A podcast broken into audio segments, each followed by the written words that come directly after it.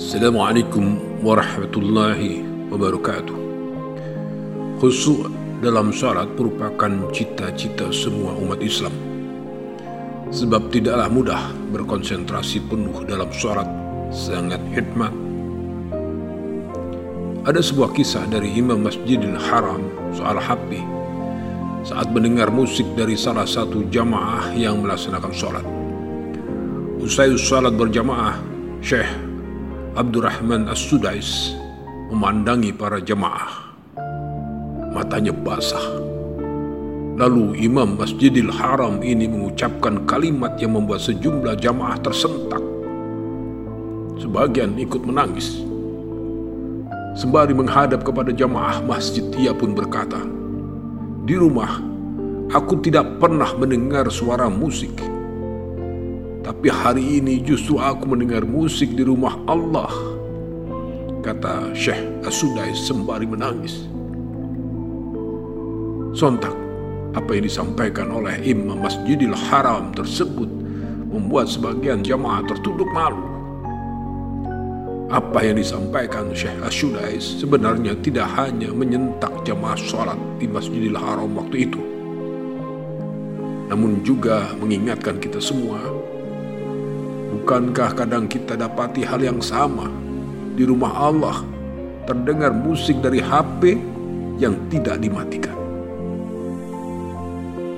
Cobalah berkaca, bukankah tidak ada seorang pun pemain sepak bola yang membawa HP ke lapangan saat pertandingan? Bukankah tidak ada seorang pesilat pun yang membawa HP saat berlaga? Bukankah tidak ada seorang pun pembalap yang membawa HP saat beradu cepat MotoGP? Mengapa? Sebab mereka semua fokus, konsentrasi. Lalu mengapa kita membawa HP ke masjid? Bukankah masjid lebih mulia daripada lapangan bola dan segala bentuk arena? karena kita menghadap Allah fokus konsentrasi butuh kekhusuan. Ada adab di situ.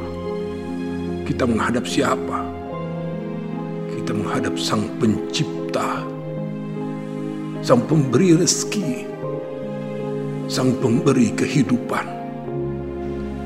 Jika para pemain bola rela meninggalkan HP mereka saat melakukan pertandingan dengan durasi yang sangat panjang agar bisa konsentrasi saat bermain, apakah kita rela kehilangan fokus saat melaksanakan syarat yang hanya beberapa menit saja? Hanya gara-gara terganggu dengan adanya HP. Lebih parah lagi, adalah ketika kita membawa HP dan tidak mematikannya atau membuatnya silent. Ketika HP tersebut berbunyi, maka seisi masjid pun akan merasa terganggu dan tidak fokus dalam menjalankan ibadah. Jika sudah seperti itu, maka dosa yang sangat besar harus kita tanggung atas perbuatan tersebut. Kalaupun terpaksa membawa HP, pastikan HP kita silent atau bahkan matikan saja sewaktu berada di dalam masjid, terutama saat sholat sedang berlangsung.